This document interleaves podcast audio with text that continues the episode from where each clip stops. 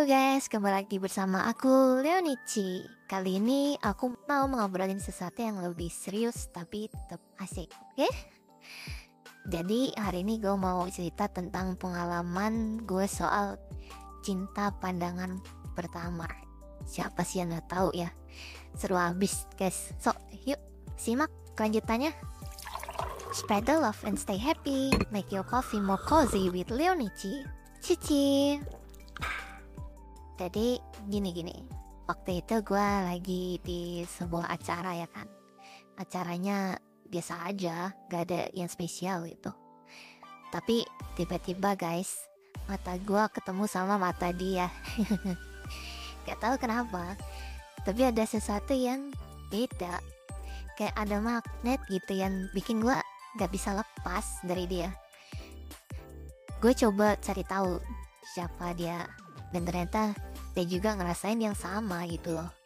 Gua gua nggak tahu ini nasib atau apa ya tapi yang jelas itu adalah salah satu momen paling spesial dalam hidup gua. Gue sampai nggak bisa tidur semalaman guys mikirin terus. Aduh pokoknya hati itu terasa berbunga-bunga gitu ya. You know lah guys setelah itu gue coba deketin dia ya kan. Gue mulai follow instagramnya twitternya Facebooknya, ah apalah pokoknya ya like like foto-fotonya, postingannya dan akhirnya gue mulai uh, memberanikan buat ke DM dia. Dari situ gue tahu dia tuh orangnya asik banget dan kita punya banyak kesamaan setelah ngobrol panjang lebar ya.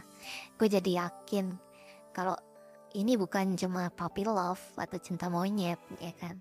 Tapi guys, Meskipun itu semua seru dan bikin deg-degan, gue tetap inget satu hal, yaitu jangan terlalu cepat terbawa perasaan. Karena cinta itu nggak cukup dari pandangan mata doang, harus lebih dalam lagi. Jadi gue dan dia sepakat untuk lebih mengenal satu sama lain sebelum memutuskan apa pun. Oke, okay?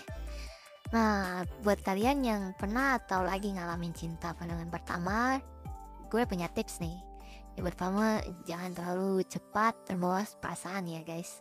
Yang kedua coba kenalan dan cari tahu lebih banyak tentang dia. Yang terakhir jangan lupa dengerin hati dan pikiran kalian. Karena kesadaran diri itu emang paling penting ya guys. Karena cinta pandangan pertama itu ya memang indah. Tapi kita juga harus realistis dan gak boleh terbawa emosi ya Oke, cukup cerita-cerita hari ini.